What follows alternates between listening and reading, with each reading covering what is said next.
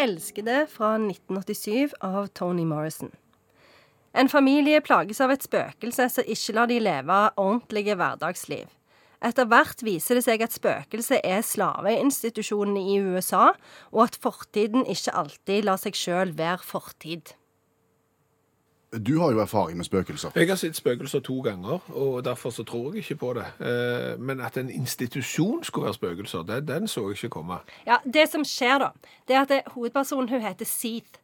Og hun eh, lever i et hus sammen med ei datter og to sønner. Og så føler de at det er et spøkelse i dette huset. Eh, så går de aldri ut, og den hindrer de liksom i å leve normale liv. Og så en dag så går de endelig ut, og når de kommer tilbake, da, så sitter der ei jente og er helt sånn våt på trappa. Og så mener de at det er det som er spøkelset. Og det er det som er 'beloved' eller 'elskede' i tittelen. Så da har plutselig spøkelset fått fysisk form, og da må de liksom forholde seg til henne. Men er det ikke litt rart at du ikke forlater huset fordi det er spøkelser i det? Da ville jo jeg tenkt at la oss bare komme oss ut så fort som det. Nemlig. Men det som er det at det, det er derfor det spøkelset er liksom symbolet på den institusjonen, for den holder de fanga. Selv om de har rømt fra den eh, plantasjen hvor de var slaver, så holder den de fremdeles fanga. De er fremdeles ikke frie. Så det er liksom den prosessen da som de må gå gjennom for å bli frie. Og så viser det seg jo at det har skjedd noe helt forferdelig grusomt som kan få deg til å grine av blod. Og som gjør at jeg ikke anbefaler eh, de som har litt dårlig mental helse, å lese denne boka. Du må tåle litt. Må tåle litt. Okay. Mm.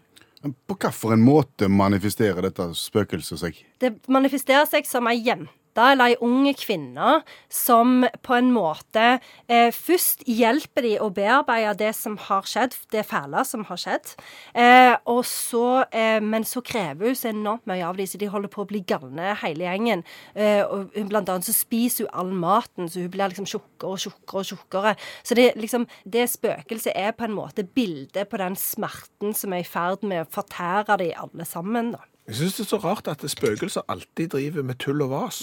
Altså at de driver liksom og velter ned vaser og tipper på bord og spiser opp maten deres og sånn. Istedenfor liksom ja, nå kan jeg, når dere sover, så kan jo jeg f.eks. vaske opp eller støvsuge eller være til nytte. Det er alltid plaging.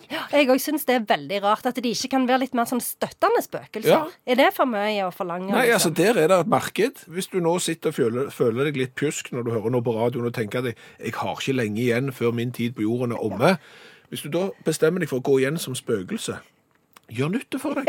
Det er bare et tips. Ja, konstruktive spøkelser, rett og slett. Ja, så nå tenker jeg kanskje at boka òg er en spøkelseskritikk. At det er litt det. Ja. Men vet du hva, nå tøyser vi oss vekk, Ja. fordi at du sier at dette spøkelset forteller noe veldig veldig viktig om Ja. noe veldig veldig vondt. Det gjør det. Og, og det som er det at denne boka her, den har jo en sånn en dedikasjon eh, i begynnelsen. Og der eh, står det 60 millioner og mer. Og det Tony Morrison peker på eh, her, det er alle de eh, afrikanske slavene og etterkommerne deres som døde gjennom denne her institusjonen. Da. Så det er jo på en måte det hun snakker om hvordan USA som, som nasjon da fremdeles blir hjemsøkt av dette spøkelset.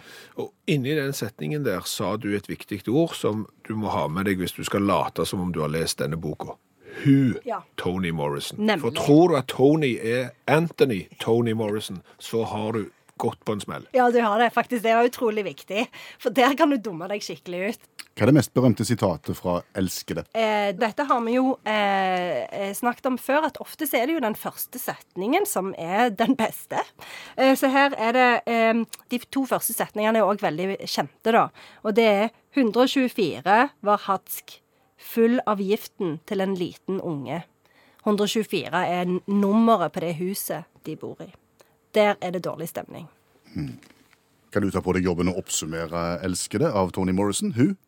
Et slaveoppgjør av Tony Morrison der et spøkelse manifesterer hele den lange, grusomme slavehistorien som USA har.